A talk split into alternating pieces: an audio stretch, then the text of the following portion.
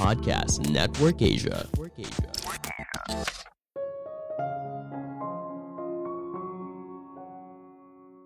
Anak muda bisa berteman dengan waktu untuk mencapai tujuan keuangan yang besar. Halo semuanya, nama saya Michael. Selamat datang di podcast saya, Sikutu Buku. Kali ini saya akan membahas kenapa kita harus memulai investasi sejak muda. Mungkin ketika kita masih muda, kita merasa investasi itu tidak penting lah. Lebih baik nikmati hidup saja dulu. Toh kan kita juga baru menyelesaikan pendidikan, mulai pegang uang sendiri. Masa sih kita nggak nikmatin? Pola pikir ini yang membuat kebanyakan anak muda sering kali menunda untuk investasi. Mereka merasa nanti ajalah investasinya ketika gajinya udah agak gedean. Namun ketika gajinya naik, ternyata kebutuhannya juga naik. Rencana investasi pun hanya tinggal rencana. Hingga akhirnya mereka kehilangan waktu yang berharga untuk investasi. Sebelum kita mulai, buat kalian yang mau support podcast ini agar terus berkarya, caranya gampang banget. Kalian cukup klik follow Dukungan kalian membantu banget supaya kita bisa rutin posting dan bersama-sama belajar di podcast ini. Saat kamu berusia 20-an, hidup mungkin terasa begitu menyenangkan. Kamu baru lulus kuliah, masuk dunia kerja, menikah, dan sebagainya. Boleh dibilang itu merupakan periode kehidupan yang penuh dengan harapan. Namun di sisi lain, kamu perlu mengatur keuangan dengan baik Salah satunya yaitu soal investasi. Ketika bicara soal investasi, waktu merupakan teman terbaik kamu. Tentu saja, ketika kamu muda, mungkin kamu tidak bisa menyisihkan banyak waktu untuk diinvestasikan. Penghasilan kamu mungkin belum cukup besar, namun kamu punya sesuatu yang tidak dimiliki oleh banyak orang di periode hidupnya yang lain, yaitu waktu. Jika kamu bisa menggunakannya dengan baik, maka hal ini akan menjadi sebuah keuntungan terbesar dalam membangun kekayaan jangka panjang. Nah, mungkin sekarang kamu mulai bersemangat untuk investasi, namun kamu bingung harus mulai dari mana. Mungkin instrumen investasi yang bisa kamu coba adalah investasi saham. Ada contoh yang menarik, bagaimana memulai investasi sejak dini bisa memberikan efek yang luar biasa.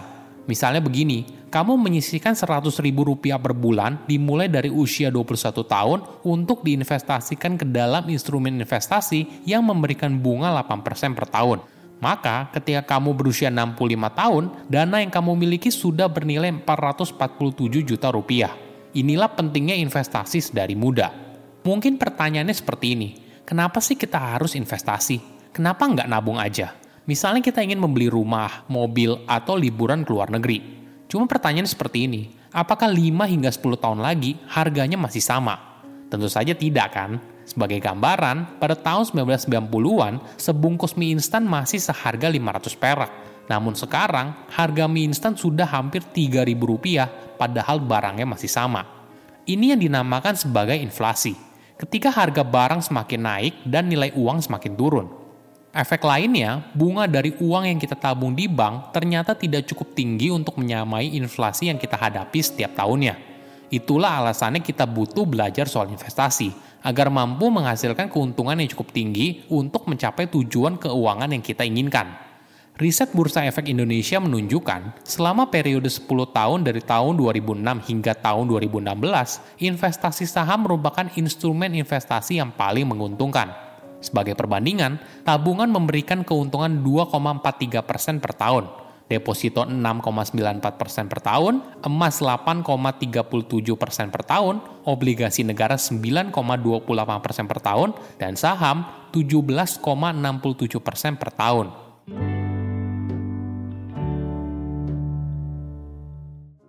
Ketika kamu berinvestasi di usia muda, kamu bisa belajar untuk mengambil beberapa resiko yang diperhitungkan Penting juga untuk memiliki ekspektasi yang realistis terhadap investasi.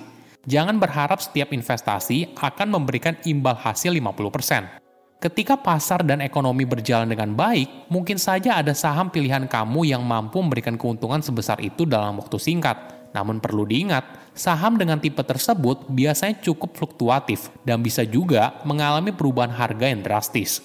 Menjadi realistis sangat penting agar kamu tidak buru-buru mengambil uang yang kamu investasikan karena kamu merasa keuntungannya kecil. Selain itu, salah satu langkah penting adalah tentukan apa tujuan investasimu. Tujuan ini nantinya akan memudahkan kamu dalam membuat keputusan keuangan, entah berapa besar uang yang harus kamu investasikan setiap bulan, atau di instrumen keuangan apa untuk kamu investasikan. Jangan lupa juga tentukan jangka waktu untuk mengejar tujuan tersebut, apakah itu jangka pendek, menengah, atau jangka panjang. Setiap orang pasti punya tujuan keuangan yang berbeda, Misalnya kamu berusia 20-an yang berinvestasi untuk pensiun, tentunya punya jangka waktu yang berbeda dengan orang berusia 40-an hingga 50-an. Ingat, yang paling penting, tujuan tersebut harus realistis ya. Optimis kalau strategi investasi kamu bisa menghasilkan keuntungan yang besar memang baik, tapi terlalu optimis bisa berbahaya. Kamu bisa saja gegabah untuk terlalu sering memindahkan investasimu dari satu instrumen ke instrumen lainnya, sehingga hal ini malah menjadi tidak efektif dan efisien. Terakhir, evaluasi dan sempurnakan rencana keuanganmu secara berkala.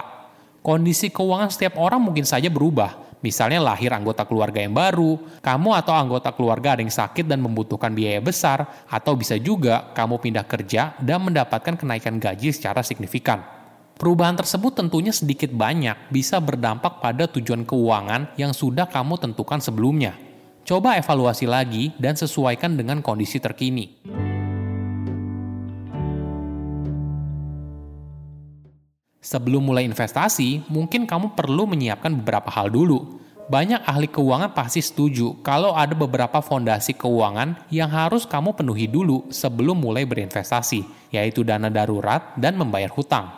Dana darurat sangat penting apabila muncul kejadian tidak terduga, misalnya kamu harus membayar biaya pengobatan, tiba-tiba di PHK, dan sebagainya.